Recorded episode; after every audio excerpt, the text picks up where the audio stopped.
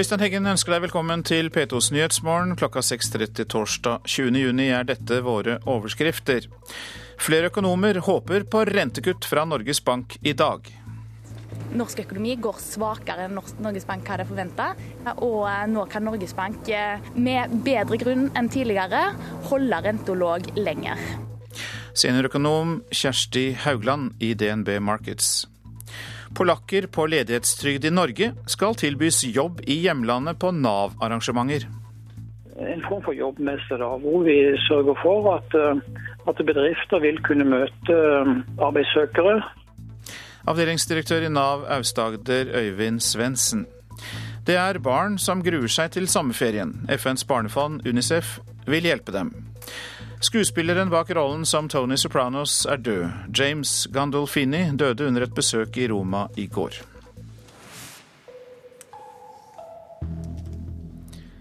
Flere økonomer håper at Norges Bank kutter renta klokka ti i dag.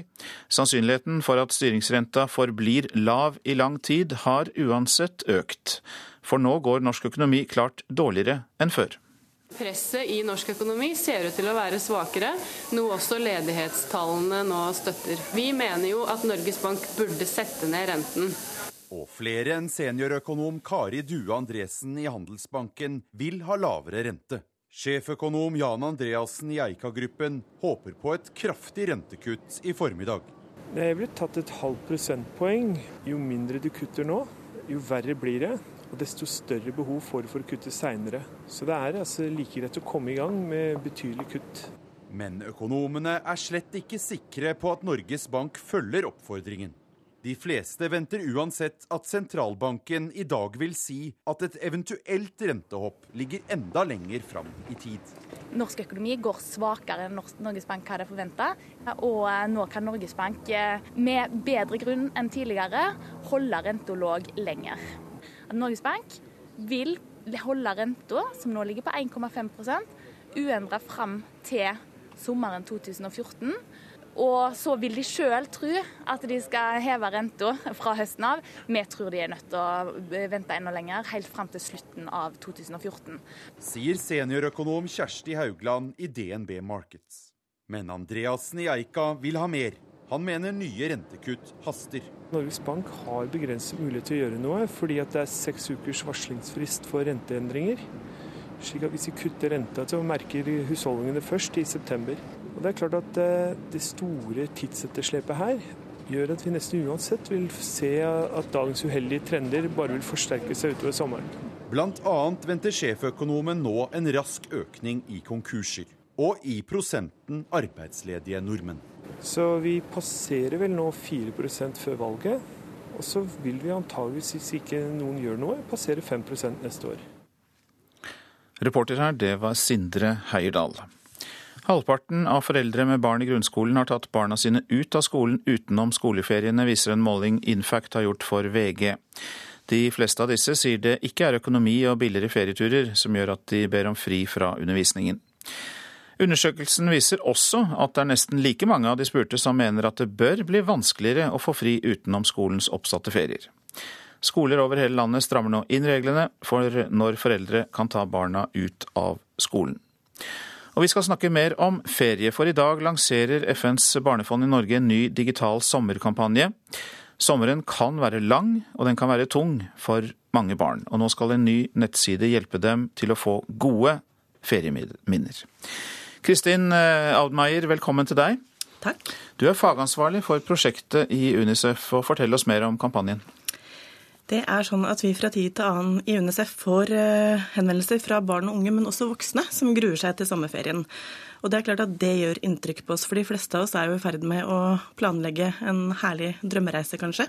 Men det er mange som forteller at de gruer seg og synes eh, alt blir forsterka om sommeren. Når det vanlige nettverket bortfaller, alle daglige rutiner bortfaller, bortfaller, så oppleves det som er tøft og vanskelig, enda sterkere. Men i et rikt land som Norge, hvilke barn er det som gruer seg til sommerferien og kan ha grunn til å grue seg? Da snakker vi om barn som eh, er en del av en familie med en vanskelig og presset økonomi, eh, hvor foreldrene ikke har mulighet til å reise på spennende ferier eller ta dyre turer på Tusenfryd.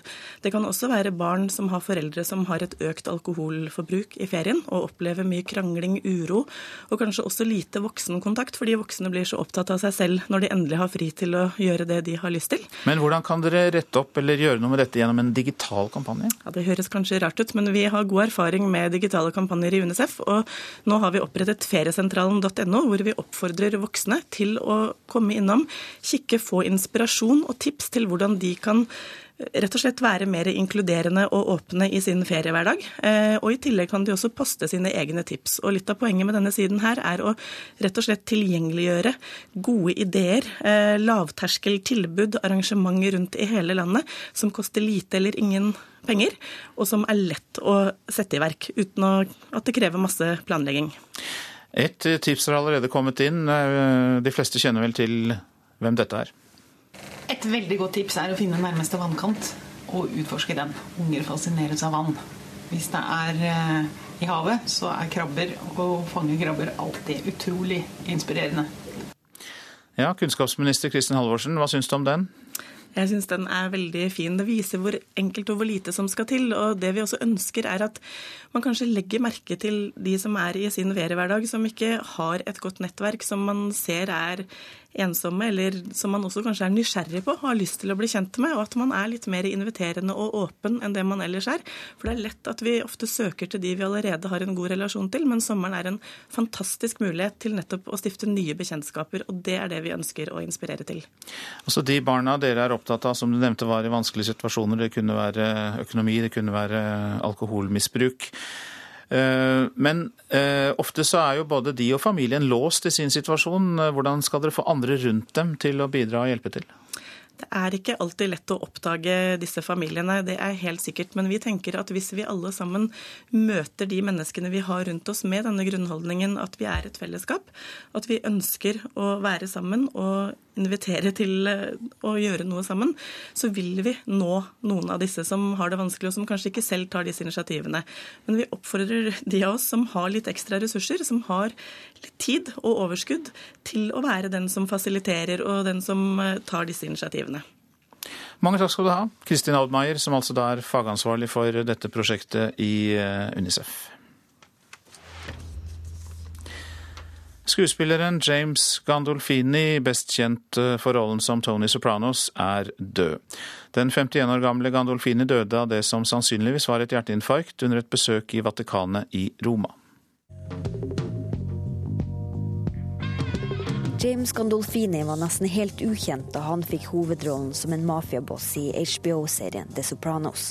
Men serien blir nå regna som starten på en ny æra i TV-drama, og satte Gandolfini på kartet. Everything this family has comes from the work I do. All right, Tony, that's enough. Måten Gandolfini tolka den komplekse Tony Soprano på, gjorde at han fikk én Golden Globe og vant flere MS. Uh, really explain this except for I think the Academy has an affinity for uh, slightly overweight bald men. From... I går døde Gandolfini brått under et besøk i Italia. 51-åringen skulle delta på en filmfestival i Sicilia på lørdag. En talskvinne for HBO sier dødsfallet muligens skyldes et hjerteinfarkt. Han var en spesiell mann, et stort talent og en omsorgsfull person som behandla alle med respekt, sier TV-kanalen i en uttalelse. Gandolfini jobba med en ny serie i HBO og spilte i flere filmer, men han vil bli huska for hovedrollen i det mange mener er tidenes beste TV-serie. Fokus på the good times. Don't be sarcastic. Isn't that what you said one time? Try and remember the times that were good? I did? Yeah. Well, it's true, I guess.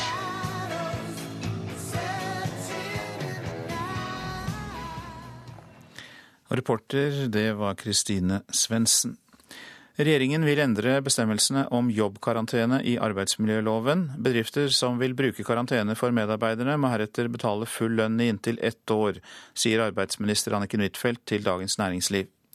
Karantenene brukes for å begrense hva tidligere medarbeidere kan gjøre, f.eks. å hindre dem i å gå til en konkurrent. NHO er kritisk og mener loven i praksis blir en avtale om ett års etterlønn. Lovforslaget fremmes til høsten. Nav i Aust-Agder vil forsøke å tilby polsk arbeidskraft til bedrifter i Polen. Det er polske arbeidere uten jobb som får ledighetstrygd i Norge det gjelder. Avdelingsdirektør i Nav Aust-Agder Øyvind Svendsen sier de planlegger jobbmesse til høsten med polske bedrifter som har behov for arbeidskraft. Ja, Hovedbegrunnelsen er jo at vi har mye god arbeidskraft med polsk opprinnelse.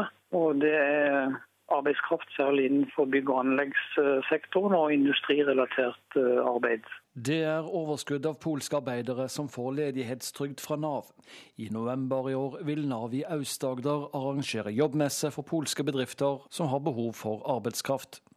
Selv om arbeidsledigheten er høyere i Polen, tror Øyvind Svendsen i Nav i Aust-Agder at polske bedrifter trenger arbeidskraft. Det kan være en del industribedrifter og bygg- og anleggsretta virksomhet som kan ha behov for arbeidskraft, selv om ledigheten er høyere. Men vil ikke norsk trygd, arbeidsledighetstrygd være høyere enn det kanskje lønna vil være i, for enkelte i Polen? Ja, men da er det et uh, godt forsøk fra vår side for å se på hvordan uh, dette slår ut. da. For det, Vi vet jo at ledighetstrygd er mye høyere i Norge enn enkelte lønninger. Nav har et samarbeid med arbeidskontorene i flere europeiske land. Og er det behov for arbeidskraft, vil polske bedrifter bli invitert til Aust-Agder på en jobbmesse for å treffe polske arbeidssøkende, forteller Svendsen. Og så må dette vurderes og behandles ut ifra at det er polske bedrifter eller bedrifter andre steder i Europa som vil eh, komme til Aust-Agder. I så fall så vil jo vi eh, i november i år og, og, i tillegg i november i 2014 arrangere en form for jobbmesse da, hvor vi sørger for at at bedrifter vil kunne møte um, arbeidssøkere. Det kan være f.eks. at vi kjører inn et treffpunkt, en jobbmesse i østre deler av fylket, og det samme i vestre deler av Aust-Agder. Reporter Lars Eie. Så eh, kaster vi et blikk på avisene og eh, deres forsider. Skjult videofilming, spaning og lydopptak er brukt av Gjensidige for å avdekke forsikringssvindel. Dagens Næringsliv skriver at forsikringsselskapet får kritikk av Datatilsynet, som truer med å inndra Gjensidiges konsesjon. Flyvertinnen Monica Barstad er hjemme igjen og forteller om sitt forsvinningsnummer i Aten til VG. Hun takker de som engasjerte seg, men vil fortsatt ikke snakke om hvorfor hun ble igjen i Hellas så lenge. Livsfarlig dobbeltliv og jaget av kriminelle er Dagbladets oppslag om en politiinformant. Nå informerer han Dagbladet om livet i Oslos brutale underverden. Liv Signe Navarsete kan bli den eneste av Senterpartitoppene på Stortinget etter valget, skriver Dagsavisen. Lokale målinger viser at stortingsplassene er i fare, både for Trygve Slagsvold Vedum, Marit Arnstad, Per Olaf Lundteigen og Jenny Klinge. Bussjåfører bør melde fra om farlige syklister, sier politiet til Bergensavisen. Få syklister blir bøtelagt for trafikkforseelser, og vi burde kanskje stramme inn på det, sier Jens Petter Selle i Hordaland politidistrikt. Apper er blitt storindustri, og mm, ikke lenger noe som utvikles på gutterommet, kan vi lese i Aftenposten. Omsetningen av tilleggsprogrammer for mobil og nettbrett er nå oppe i 150 milliarder kroner i året. En av hovedmennene bak norgeshistoriens største kjøttsvindel kan slippe unna med å betale 1 million kroner til statlige kreditorer pga. lav eller ingen inntekt, skriver Nasjonen. Drammen tingrett har redusert beløpet, som var på 73 millioner kroner. Kristelig Folkeparti er en ulykke for verdikampen, mener humanetikeren Morten Horn. Horn mener at andre partier bør utfordre KrFs monopol på verdispørsmål. Men humanitikeren Horn er KrFs drømmevelger. Det skriver kommentator Åshild Mathisen i Vårt Land. For han er en velger som ikke nødvendigvis er kristen, men som vil ha KrFs verdipolitikk. Flertallet av innbyggerne i Oslo er mot å søke vinter-OL i 2022, viser en måling gjort for Klassekampen. Til høsten skal saken avgjøres i en folkeavstemning.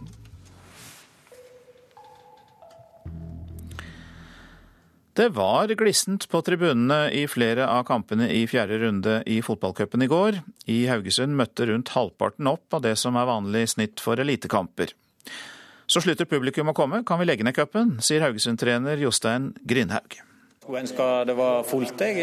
Det er det vi spiller for, for å engasjere publikum. Og vi er avhengige, både vi og ikke minst kuppen, og trekke folk til arenaene. Ellers så kan vi legge ned hele driten. 2500 tilreisende så Haugesund gå videre til kvartfinale i cupen etter 4-3 over Alta i går. Det er bare halvparten av snittet på Haugesund-kamper, og det er på dette stadiet i cupen det er få folk. Det er mye stas rundt de to første rundene. Nå kommer deg ut i distriktene, og så glir det litt ut eh, når du nærmer deg eh, kvartfinaler og semifinaler. Grindhaug får støtte av Tromsø-trener Agnar Christensen, som opplevde fattige 5500 tilskuere på Lerkendal mot Rosenborg. Ja, Det kan virke sånn at folk er gått litt, eh, kanskje litt lei av det. men...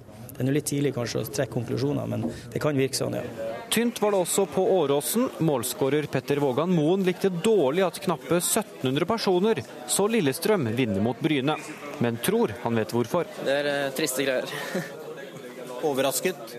Nei da, jeg er ikke det. Vi, vi, har ikke prestert så bra i år, men uh, jeg hadde absolutt håpa det kom flere. Det er vel norsk fotball generelt som er lite spennende om dagen. Det er midt i uka, sånn det er ikke så attraktivt kamp kamptidspunkt. Men eh, som sagt, det er, det er nå finalene begynner, mm. så får, jeg tror det blir veldig bra utover. Sier generalsekretæren i Fotballforbundet Kjetil Siem, som er fornøyd med publikumstallet i cupen så langt. Tromsø-trener Christensen var uansett glad at ikke flere så dem tape mot Rosenborg i går. Ja, vi skulle gjerne ha flere folk. Det er jo alltid artig det, men for et bortelag å bare ha 5000 på Lerkendal, så det er ikke så ille. Så vi er for så vidt godt fornøyd med det. Og reporter her, det var Henrik Jonassen. Dette er Nyhetsmorgen, og klokka den passerte 6.46 nettopp, og dette er hovedsaker. Flere økonomer håper på rentekutt fra Norges Bank i dag. De mener det er sannsynlig at styringsrenta forblir lav i lang tid.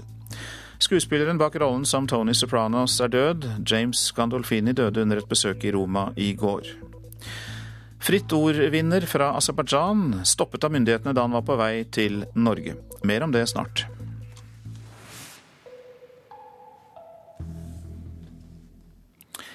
Politikk handler i større og større grad om å selge et budskap. Det sier Rogaland Venstres førstekandidat eh, foran stortingsvalget til høsten, Iselin Nybø. Og hun får langt på vei støtte fra kommunikasjons- og markedsføringsbransjen. Innholdet betyr mindre, innpakningen betyr stadig mer i kampen om folks oppmerksomhet. I større og større grad så handler politikk om å selge ting til media. Det er liksom litt den følelsen du har når du driver valgkamp. Det, at det, det, handler egentlig, det, handler egentlig, hele veien om å selge et budskap.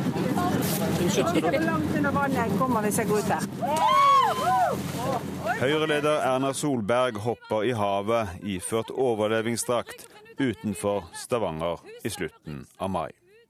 Budskapet er at partiet lover 20 millioner kroner til Redningsselskapet. Det mediene fokuserer på, er at Erna hopper i havet. Innslaget passerer nåløyet i Dagsrevyen samme kveld. Selv på Høyres egne nettsider selges saken med vinklingen 'Erna hopper'. Det er jo nettopp fordi at du løfter trauste Erna ut av hennes vante element. Sier Terje Eide, partner i Markedsføringshuset i Stavanger. Så er det litt sånn, det er litt såpass sprøtt at det gikk nok journalister på. Jo mer spesielt noe er, jo større sannsynlighet er det for at noen eh, velger, velger å bruke det. Sånn som det har blitt, så er det ikke nok lenger å selge et politisk budskap. Det må pakkes inn, og det må presenteres på rett måte, og det skal være rett tid og rett sted. Sier leder for Kommunikasjonsforeningen i Rogaland, Wenche Skorge. For å, å, kunne gjøre det på en profesjonell måte, sånn som det kreves i dag, så er du nødt for å ha støttespillere rundt deg som forbereder og baner veien for oppslaget. Mm. Du har rett og slett ikke tid og kapasitet til å gjøre det sjøl. Det har banet veien for stadig flere kommunikasjonsmedarbeidere, både i offentlig og privat virksomhet. Politikken er ikke noe unntak. Skorge mener måten politikere og også ledere velger å kommunisere med omverdenen på, bærer mer og mer preg av ren markedsføring. Det handler om å være på, det handler om å være synlige, ikke så mye om innhold. Du ser jo noen sånne absurde utslag av og til som bærer preg av at noen har hatt en idé i dugnad. Altså, nå må vi gjøre noe sprell for å få oppmerksomhet. Der et litt kjedelig budskap skal få en litt sånn spenstig innpakning. Eh, som betyr at partiledere må hoppe på sjøen i overlevingsdrakt eller gjøre sånne litt speisa ting for å få oppmerksomhet. Og Av og til så virker det, og av og til så tilter det over og blir bare tåpelig. Terje Eide i Markedsføringshuset. Han mener at utviklingen hvor man søker redaksjonell omtale med et kobbel av profesjonelle rådgivere i ryggen, også øker risikoen for den enkelte politiker eller leder. Ja, fordi at Du har jo ikke kontroll fullt ut med hva som blir formidla videre. Du kan godt ha en ambisjon om å formidle noe, så er det selvfølgelig da en journalist som skal håndtere et eller annet som ikke du helt har kontroll på. Så det er jo en risiko som du må leve med. Reporter Ståle Frafjord. Fritt eh, Ord deler i dag ut sin østeuropeiske pressepris. Men en av mottakerne sitter igjen i Aserbajdsjan. Myndighetene stoppet ham på flyplassen på vei til Norge. Nei, Vi syns jo det er veldig synd, vi skulle jo gjerne hatt han her. Bente Roaldsvik, prosjektdirektør i Fritt Ord, hadde i dag tenkt å gi Meman Husseinov Fritt Ord sin pressepris på 10 000 euro, vel 75 000 kroner. Hun mener han fortjener det, for foto- og videojournalistikk som viser et usminka bilde av Aserbajdsjan. F.eks. fra demonstrasjoner, riving av hus i forbindelse med Grand Prix i fjor i Aserbajdsjan. Men nå har aserbajdsjanske myndigheter hindra den 23-årige fotojournalisten i å komme seg hit for å hente prisen. Han skulle reist til eh, Oslo på mandag, eh, og han blir stoppet på flyplassen eh, med utreiseforbud. Heldigvis så er jo hans mor her, så vi har jo en som kan ta imot prisen for han. Ja, for Huseinov ville ta med seg mor si til Norge. Hun ble ikke stoppa, og dermed tar hun i dag imot prisen for sønnen sin. Sønnen min har nå holdt på med fotojournalistikk i fire år, forteller Frangisa Huseinova etter ei omvisning på Nobels fredssenter. Mer vil hun ikke si, verken om sønnen eller om situasjonen i heimlandet. Tamina Tagizade er mer pratsom. Også hun er journalist fra Aserbajdsjan, og også hun har i år fått presseprisen til Fritt Ord. Men i motsetning til kollegaen har hun nå kommet seg til Norge for å hente prisen. Uh, 2010, no any journalist was in prison because of defamation.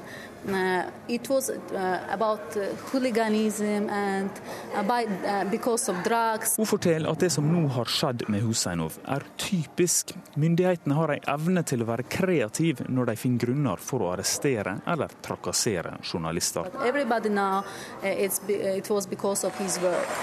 Good evening! I fjor hadde mange blikket retta mot Baku. Og menneskerettighetssituasjonen i landet ble debattert bl.a. i Kulturnytt og Dagsnytt 18. Vi kan aldri vært imot dialog. dialog. Baku er veldig tydelig i forkant. Også snakke om menneskerettighetene. Men nå, et år senere, ser vi at Eurovision Song Contest og oppmerksomheten fra Vesten ikke hadde en varig positiv effekt. To two months later, uh, they began uh, very active Uh, Det forteller Shahin Hajiyev, som leder Turan, et av få uavhengige nyhetsbyrå i Aserbajdsjan. Han er nå i Norge for å dekke prisutdelinga.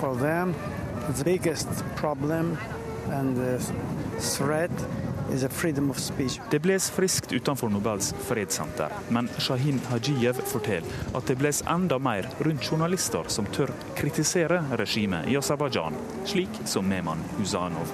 He's a talented photographer, try to cover everything. So when he does it, he creates a problem for the government. Jeg syns arbeidet hans er veldig viktig. og eh, Han er jo en prisvinner. Han eh, fortjener å få den støtten han eh, kan få. Og til slutt så hørte vi Bente Roaldsvik i Fritt Ord. Det er eh, seks prismottakere i år. I tillegg til prismottakerne vi hørte om fra Aserbajdsjan, så går eh, prisene til en russisk ukeavis, til en ukrainsk journalist og to russiske journalister. Reporter var Sondre Bjørdal. Foreldre må ta mer ansvar for å unngå avhengighet av dataspill. Det sier både helsevesenet og bransjen selv. Sommerferien nærmer seg jo, og for mange betyr det mye fritid. Og da er det ekstra viktig at foreldre bryr seg, sier Bernt Erik Sandnes. Han er tidligere spillutvikler.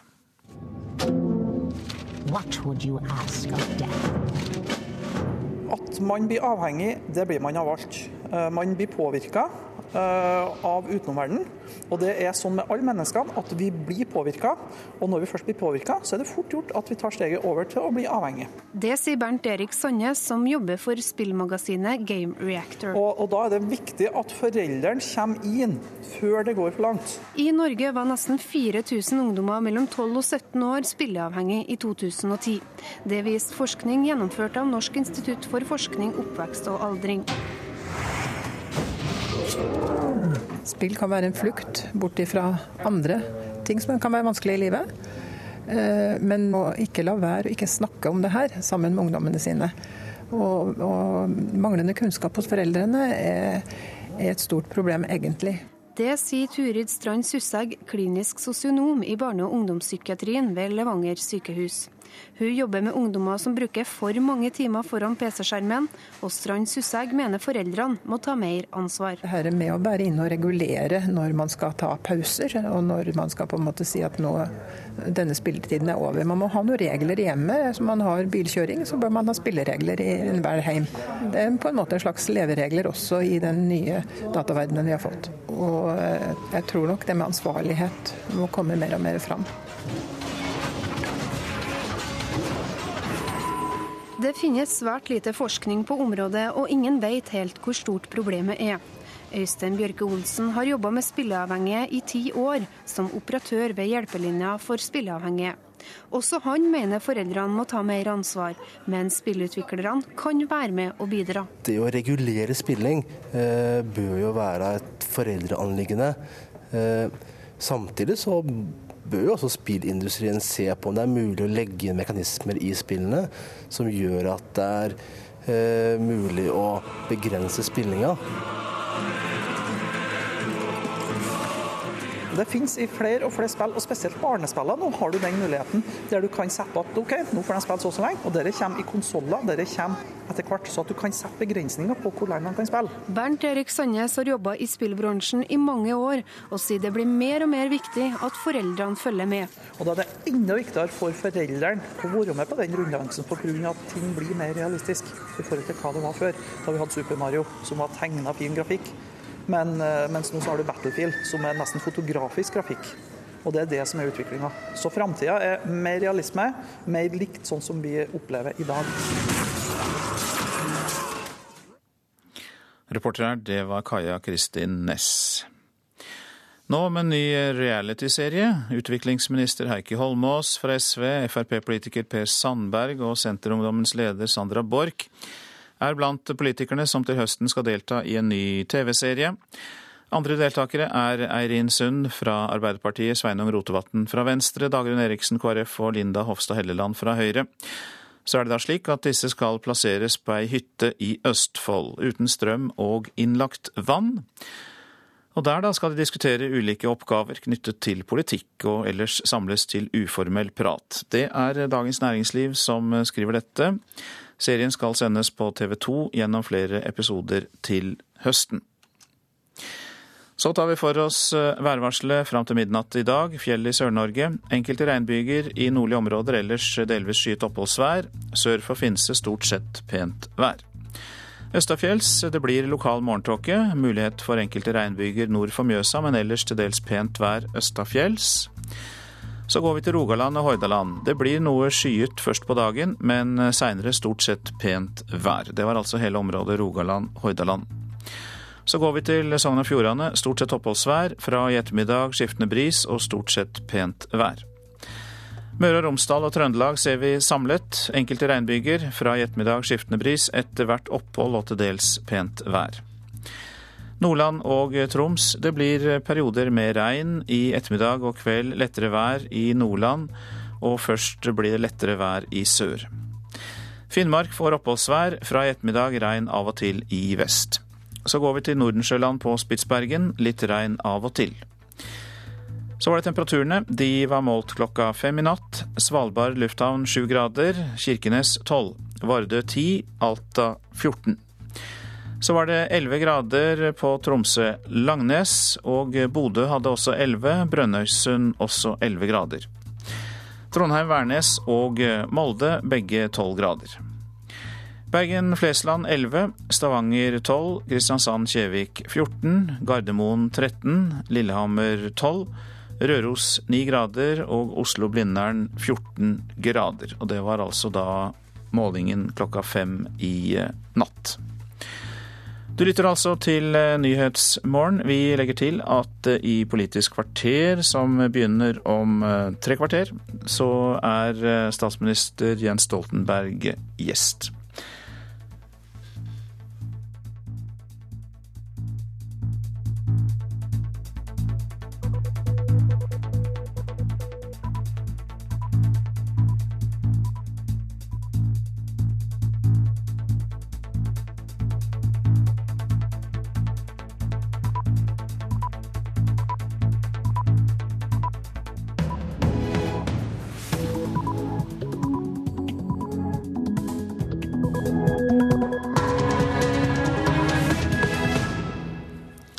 Da er klokka blitt eh, sju. Du lytter til P2s eh, Nyhetsmorgen, og dette er en nyhetsoppdatering. Det er begått 24 drap her i landet så langt i år. Halvparten av dem er partnerdrap. Svært alvorlig, sier Tove Smådal i Krisesentersekretariatet. Dette sier jo noe om eh, viktigheten av at samfunnet øker innsatsen for å gi trussel- og voldsutsatte eh, mye større beskyttelse. Det går dårligere med norsk økonomi. Flere økonomer mener Norges Bank bør sette ned renten i dag. Blant dem er sjeføkonom i Eika-gruppen Jan Andreassen. Det er blitt tatt et halvt prosentpoeng. Jo mindre du kutter nå, jo verre blir det. Mange polakker går arbeidsledige i Norge. Nå vil Nav forsøke å hjelpe dem til å få jobb i Polen, sier Øyvind Svendsen hos Nav. Vi har mye god arbeidskraft med polsk opprinnelse. Og det er arbeidskraft særlig innenfor bygg- og anleggssektoren og industrirelatert eh, arbeid. Skuespilleren James Gandolfini, best kjent for rollen som Tony Soprano, er død, 51 år gammel.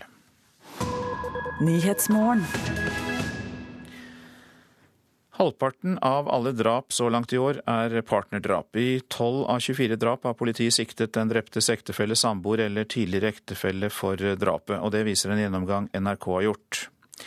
I går skjedde to nye drap på kvinner. I det ene drapet er en mann i kvinnens omgangskrets mistenkt for å ha hatt noe med drapet å gjøre. Dette er jo egentlig en katastrofe. Sier daglig leder for Krisesentersekretariatet Tove Smådal. Hun er opprørt over alle partnerdrapene så langt i år. Tallene er jo ekstremt høye for første halvår i år, kontra de tallene som for hele året i fjor, året før. Så dette sier jo noe om viktigheten av at samfunnet øker innsatsen for å gi trussel- og voldsutsatte eh, mye større beskyttelse. 17.6 en tobarnsfar siktes for drap på sin kone.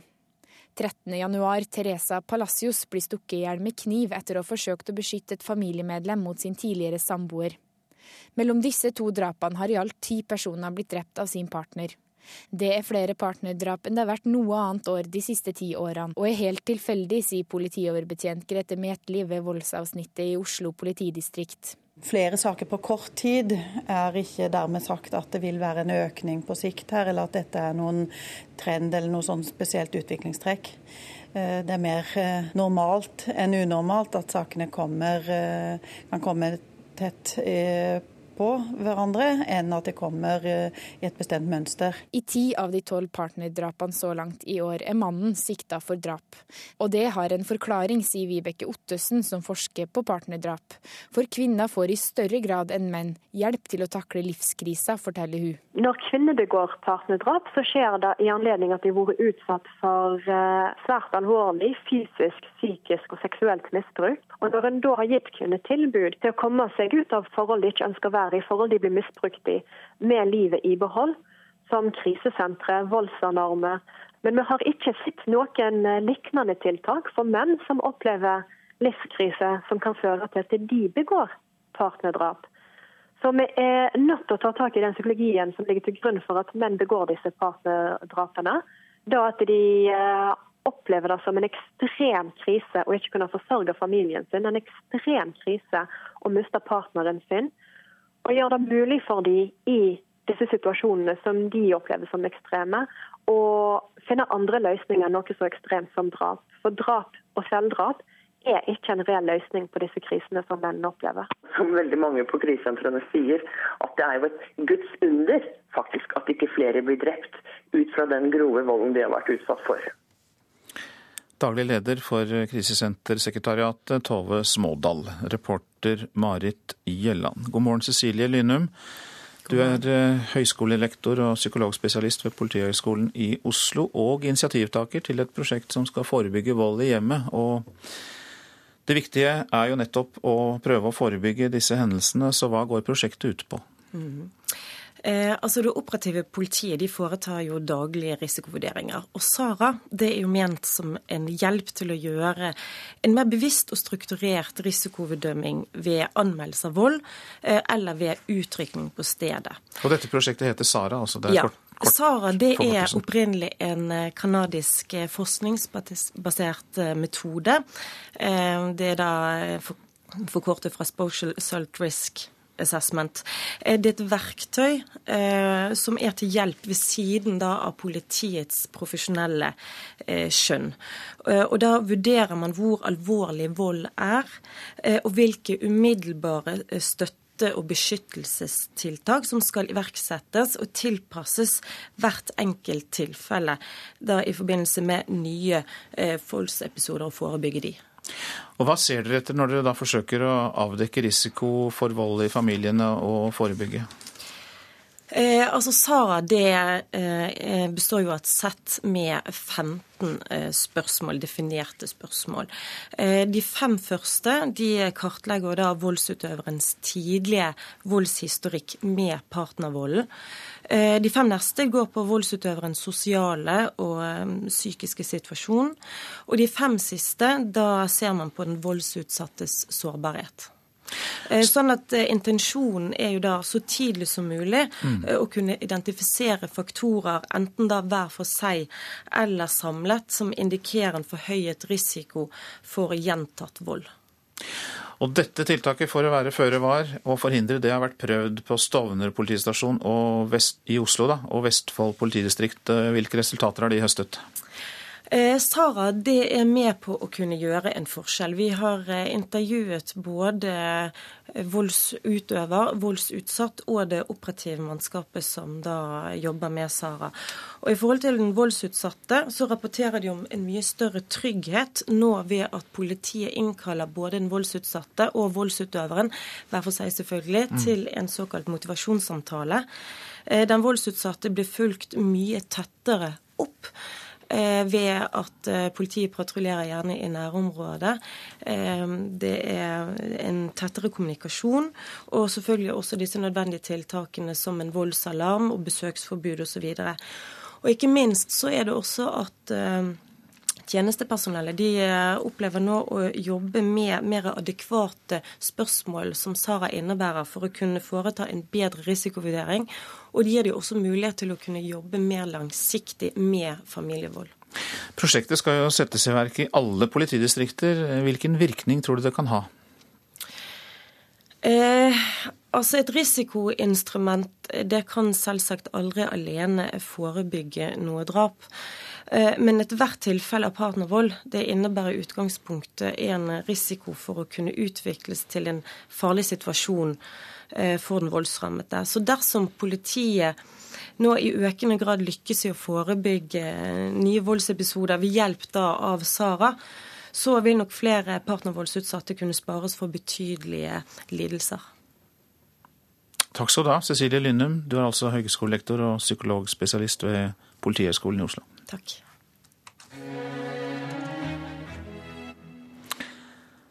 Mens skoler over hele landet gjør det vanskeligere for elever å ta fri, så vet ikke myndighetene hvor mange timer elevene er uten lærer.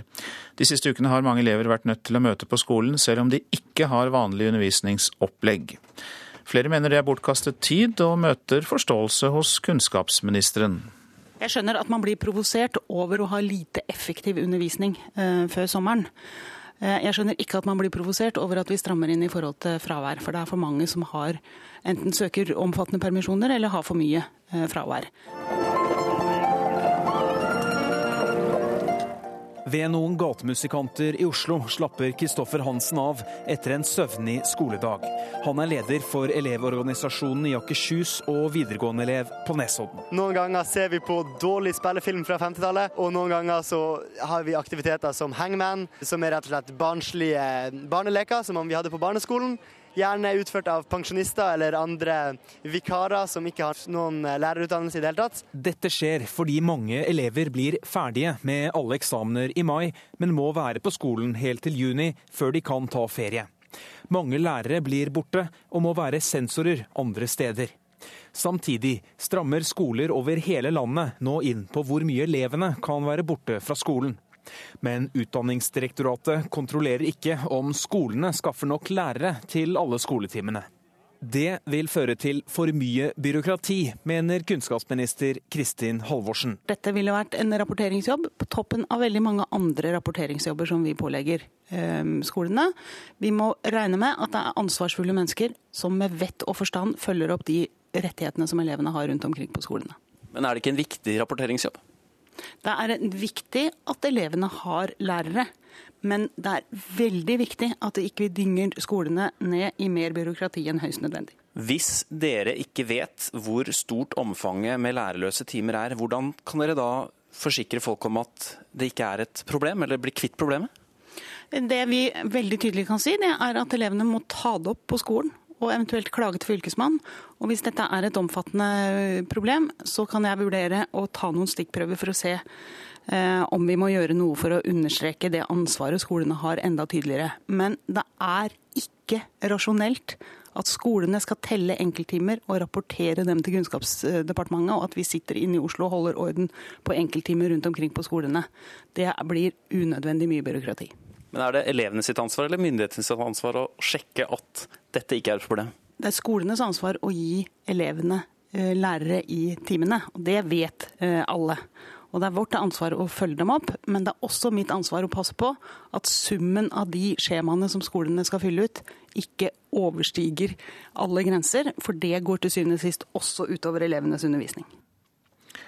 Ja, Kunnskapsminister Kristin Halvorsen til slutt der, reporter Haldor Asvald. Kristoffer Hansen, god morgen til deg. God morgen. Vi hørte jo deg i saken. Du er med oss i studio, og du representerer da Elevorganisasjonen i eh, Akershus. Og eh, det er jo da slik som vi hørte at elevenes eh, fraværsregler strammes inn, men myndighetene vil ikke sjekke om det er lærere til skoletimene. Så hva syns du om det? Det syns jeg blir veldig dumt. Ehm, det er jo sånn at veldig mange timer foregår uten lærer, spesielt nå rett før sommeren. Eh, og da blir det veldig dobbeltmoralsk at eh, vårt, eh, våre regler skal strammes inn, mens lærerne blir det ikke gjort noe med. Men Kristin Halvorsen sier at det blir altfor mye byråkrati hvis de skal sitte inne i departementet og telle timer? Nei, det blir å problematisere det hele. Det er ganske enkelt å og et, enkelt dataprogram vil kunne hjelpe deg å gjøre det for lærerne. og Det gjør man jo på noen skoler, og, det er ikke veldig byråkratiserende i det hele tatt. Jo, men altså hvis elevene da ser dårlige filmer fra 50-tallet, som du selv sa i dette innslaget, istedenfor å få undervisning, så kan de jo bare ta det opp på skolen. Og ta det opp eventuelt eh, videre hvis de ikke får gjenhør der. Også at man ikke skal ha et sånt svært byråkrati hvor man skal uh, telle at det er nok lærere. Det som, det som er da, det er at de skolen Eh, rundt om i landet de har ikke handlingsrom nok til å sette inn vikarer, fordi det finnes ingen system for å gjøre det slik. Så det kan være dårlig økonomi eller andre årsaker som gjør at skolen ikke har råd eller mulighet til å sette inn vikarer. Og når da ikke det blir gjort noe fra regjeringa sin side, så det er veldig vanskelig for hver enkelt skole å, å fikse det her problemet. Men hvorfor oppstår dette problemet på slutten av skoleåret nesten hvert eneste år? Det som er veldig spesielt med slutten av skoleåret, det er at veldig mange elever er ferdig med sine eksamener i mai mens du må bli tvungen til å dra på skolen helt frem til 20.6. Og, og da har du jo egentlig ingenting å gjøre på skolen, for du har jo allerede fått dine karakterer og er ferdig med, med året. Men likevel er det altså skole. Da syns jeg jo at eh, det kanskje er eh, behov for et eget opplegg for eh, disse elevene, for det er jo snakk om ganske mange. Ja, man kunne absolutt hatt et eget opplegg, men da mener jeg at det opplegget vi får i dag, er ikke godt nok. Det er null læringsutbytte av å leke hangman og spille dødball klokka åtte om morgenen. Eh, og at vi da skal komme på skolen og få fravær som ikke kommer til det opplegget der, det, det, ser jeg på som meningsløst. Hva kunne et uh, sånt opplegg inneholde hvis man virkelig skulle sette inn krefter og bygge opp og lage noe som kunne være et alternativ for de som er ferdig med eksamen og likevel ikke ferdig på skolen? Da må man jo ha et opplegg som både motiverer og engasjerer, og som, som tilføyer noe nytt til skolehverdagen til de her elevene som da mm. er ferdig med sin eksamen. Um, og det mener jeg at kunnskapsministeren burde, burde finne ut av. En oppfordring fra deg, Kristoffer eh, Hansen, og du går på skole på Nesodden? Riktig. I hvilket trinn? Andre klasse. På Nesodden videregående studiespesialiserende linje. Da fikk vi med oss det også. Hjertelig takk for at du kom og orienterte om denne saken. Du er da representant for Elevorganisasjonen i eh, Akershus. Takk skal du ha. Og så tar vi med at eh, halvparten av foreldrene med barn i grunnskolen har tatt barna sine ut av skolen utenom skoleferiene, viser en måling Infact har gjort for VG. De fleste av disse sier det ikke er økonomi og billige ferieturer som gjør at de ber om fri fra undervisningen. Undersøkelsen viser jo da også at det er nesten like mange av de spurte som mener at det bør bli vanskeligere å få fri utenom skolens oppsatte ferier.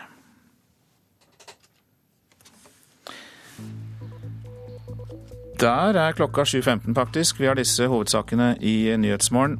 Halvparten av alle drap så langt er partnerdrap. I 12 av 24 drap har politiet siktet den dreptes nåværende eller tidligere partner. Skole-Norge strammer inn fraværsreglene, men myndighetene sjekker likevel ikke om elevene har lærere i timene. Og denne sommeren kommer det til å bli eh, ja, mange mygg. Mer om det snart.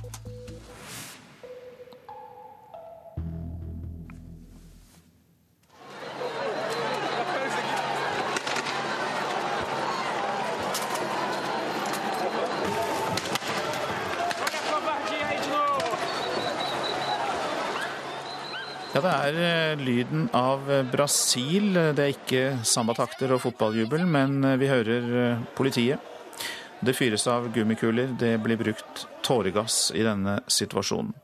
Det er demonstrasjoner som har pågått i snart to uker, og det bør jo vi interessere oss for, Joar Ho Larsen, mangeårig Latin-Amerika-konsponent for NRK. Hva er det som skjer? Ja, altså Utgangspunktet var jo at myndighetene i storbyene satte opp prisen på, på, buss. Det ble dyrere å kjøre buss.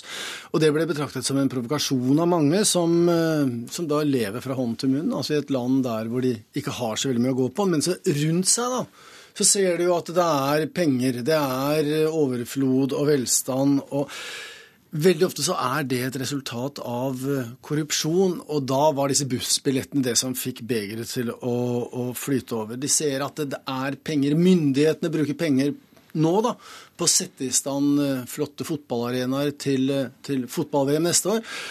Og da er det mange av disse demonstrantene som mener at det er penger som heller burde ha gått til eh, skolevesenet, til helsevesenet og til, altså til offentlige ytelser.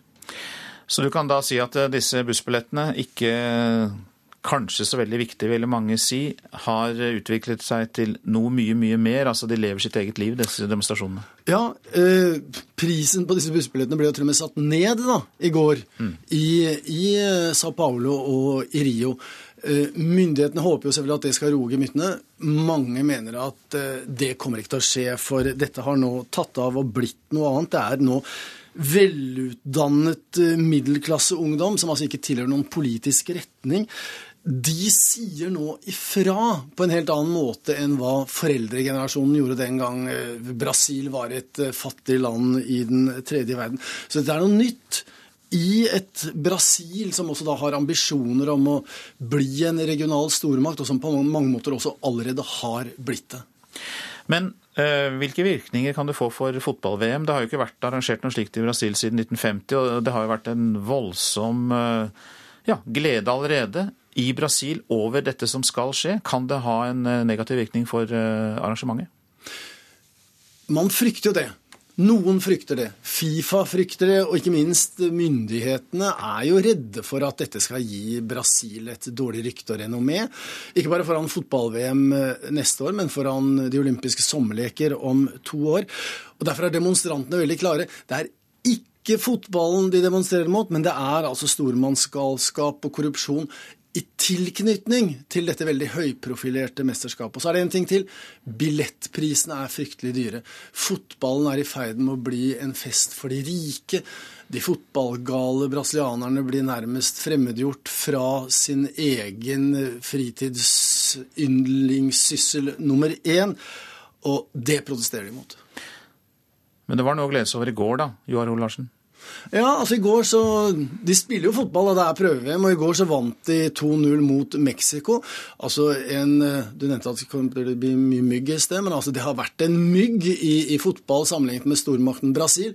Men så har de snubla mot Mexico i det siste. Ikke minst et ydmykende nederlag i OL-finalen i fjor mot nettopp Mexico. Derfor var seieren mot Mexico i går kanskje vel så viktig for, for folkesjelen. Og i Brasil så er jo da altså Fotballseiere er jo offentlig velferd i seg selv. Takk skal du ha, Joar Hoel Larsen. Den syriske flyktningekatastrofen er den verste siden andre verdenskrig. Det sier utenriksminister Espen Barth Eide. Han advarer mot det som kan bli en enda verre katastrofe, men lover også mer hjelp til flyktningene. Og det er den internasjonale flyktningedagen i dag. Det er natt på grensen mellom Syria og Jordan. Et hundretalls flyktninger sitter i mørket. Noen holder til i et stort telt, andre i noen brakker i nærheten. De ser slitne ut og er fattigslig kledd. De er på flukt. Deres eneste trøst er at de har overlevd. I bakgrunnen høres smell med ujevne mellomrom. Regjeringshæren bruker både artilleri og jagerfly inne i Syria, landet de flykter fra.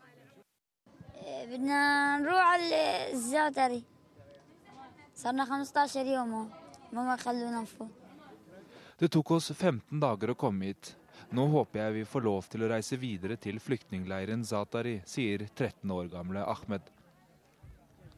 Han og familien har klart å komme seg til Jordan. Selv sitter han med en gipset arm. Gips som har gulnet litt i kanten.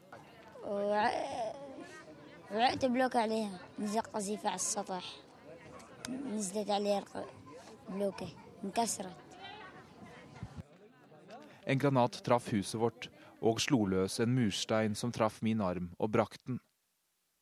Han forteller om en flukt, uten vann, uten mat, hele tiden med frykt for at de skulle bli oppdaget eller skutt på veien.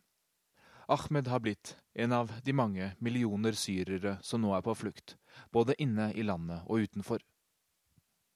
Norges utenriksminister Espen Barth Eide erkjenner at det internasjonale samfunn ikke gjør nok for å hjelpe de syriske flyktningene, men lover mer norske penger. 150 nye millioner kroner er lovet til FN. Så Vi er en veldig stor bidragsyter. Eh, men samtidig som vi er en eh, stor bidragsyter, så mener jeg at vi og alle andre må si til oss selv at eh, det er fortsatt ikke nok ressurser til den flyktningkatastrofen vi ser her rett bak oss, som faktisk er den største siden annen verdenskrig. Dette er mye større enn alle krigene på Balkan til sammen allerede etter bare to år. Og det er jo mye som tyder på at dette kommer til å ikke bare fortsette, men bli enda verre. Barth Eide er i Jordan i forbindelse med den internasjonale flyktningdagen. Han besøkte i går kveld grensepasseringen sammen med jordanske myndigheter, og traff en syrisk mann med skuddskader. Oh, Skader han ikke hadde kunnet få ordentlig behandling for før han kom til Jordan. Personlig, hvordan, hvordan oppleves det å treffe mennesker som eh, kommer rett fra eh, borgerkrigen i Syria? Ja, nå snakket jeg akkurat med en mann som uh, har vært på flukt i en uke fra Damaskus, som har gått uh, hit fra Damaskus med mange uh, skuddsår, som han viste meg. Han hadde mistet mye blod åpenbart i dårlig forfatning, men samtidig åpenlyst lykkelig for nå å være i Jordan og vite at han var nå i, i sikkerhet. Og Det er klart at en sånn opplevelse gjør et veldig sterkt inntrykk. Og så har vi jo møtt både eldre mennesker og ser mange barn og sånt, så dette er jo en veldig gripende opplevelse. Det er verdens eh, flyktningdag. Eh, føler du at eh, norske myndigheter bidrar nok til å, til å hjelpe på situasjonen for, for, syriske flyktninger? Det er en prekær situasjon, ikke bare her i Jordan, men i flere andre land også? Jeg tror det ærlige svaret på det er at ingen bidrar nok. Vi bidrar veldig mye og har nettopp bestemt å bidra enda mer. Men her er det både et spørsmål om å skaffe nok penger.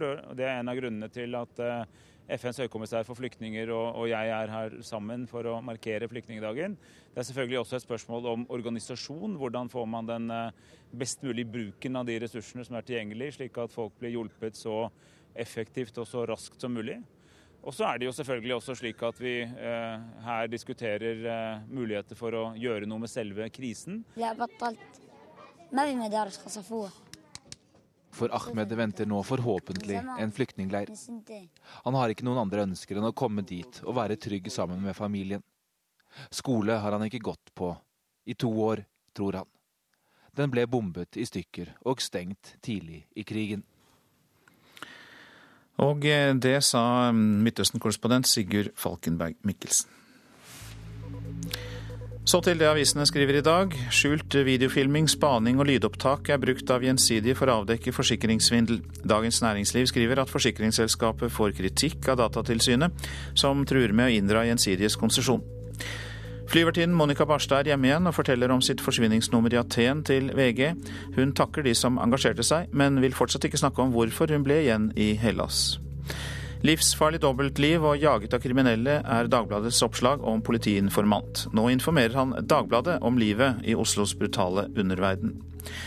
Liv Signe Navarsete kan bli den eneste Senterpartitoppen på Stortinget etter valget, skriver Dagsavisen. Lokale målinger viser at stortingsplassene er i fare for både Trygve Slagsvold Vedum, Marit Arnstad, Per Olaf Lundteigen og Jenny Klinge. Bussjåfører bør melde fra om farlige syklister, sier politiet til Bergensavisen. Få syklister blir bøtelagt for trafikkforseelser, og vi burde kanskje stramme inn på det, sier Jens Petter Selle i Hordaland politidistrikt. Apper er blitt storindustri, ikke lenger noe som utvikles på gutterommet, kan vi lese i Aftenposten. Omsetningen av tilleggsprogrammer for mobil- og nettbrett er nå oppe i 150 milliarder kroner i året. En av hovedmennene bak norgeshistoriens største kjøttsvindel kan slippe unna med å betale 1 million kroner til de statlige kreditorene pga. lav eller ingen inntekt, skriver Nasjonen. Drammen tingrett har redusert beløpet, som var på 73 millioner kroner. Kristelig Folkeparti er en ulykke for verdikampen, det mener humanetikeren Morten Horn. Horn mener andre partier bør utfordre KrFs monopol på verdispørsmål. Lege brukte 12 000 kroner på spåkoner, skriver Stavanger Aftenblad. Legen ved Rogaland A-senter for rusrelaterte problemer brukte flere ganger vakttelefonen for å snakke med spåkoner. Flertallet av innbyggerne i Oslo er imot å søke vinter-OL i 2022, viser en måling gjort for Klassekampen. Til høsten skal saken avgjøres i en folkeavstemning. Ja, du har kanskje merket det allerede. Det kommer til å bli en skikkelig myggsommer. Det bekrefter myggforsker Reidar Mehl. I matbutikken på Jørstadmoen ved Lillehammer er det allerede tomt for myggmidler. Der vi er helt tom, så vi har måttet tatt inn mer til og med. Det sier Silje Slettum. Hun jobber i kassa på matbutikken på Fåberg. Og der snakkes det om mygg, og det kløs på myggstikk. Og myggen tar seg rett som det er en tur også inn i butikken. Det kommer veldig mye inn her når eh, kundene kommer hit inn, så det ja. Nå har du en i ansiktet her. Er det her tema på butikken med myggen? Ja, det er veldig ofte kunder som kommer inn og har samtaler om myggen og myggspray og godt som bare det, så det blir mye. Og mer skal det visst bli. Ifølge landets fremste ekspert på mygg, zoolog og forsker Reidar Mehl, har flommen gjort at det akkurat nå klekkes store mengder flommygg. Det har det blitt mye av. Flommygg er det mye av. Larvene klekket eh, da vannet trakk seg tilbake, og så tar det ca. 14 dager med oppvarming av det vannet. For eh, det vannet som eh, er flomvann, det er for kaldt til myggklekking. Det er først når dammene har etablert seg og den store flommen er borte, så oppvarmes det til over ti grader av sola. Og da begynner larvene å utvikle seg. Og til varmere det blir, da, til fortere går det. Slik at det er det er av steder som ikke får så mye sol, og steder som er helt eksponert av sol hele døgnet om dagen. Da. Og der blir det varmt. Og da går utviklingen fort, for disse larvene de er eh, tilpasset et varmere klima enn de som eh, mygglarvene som er i skogen.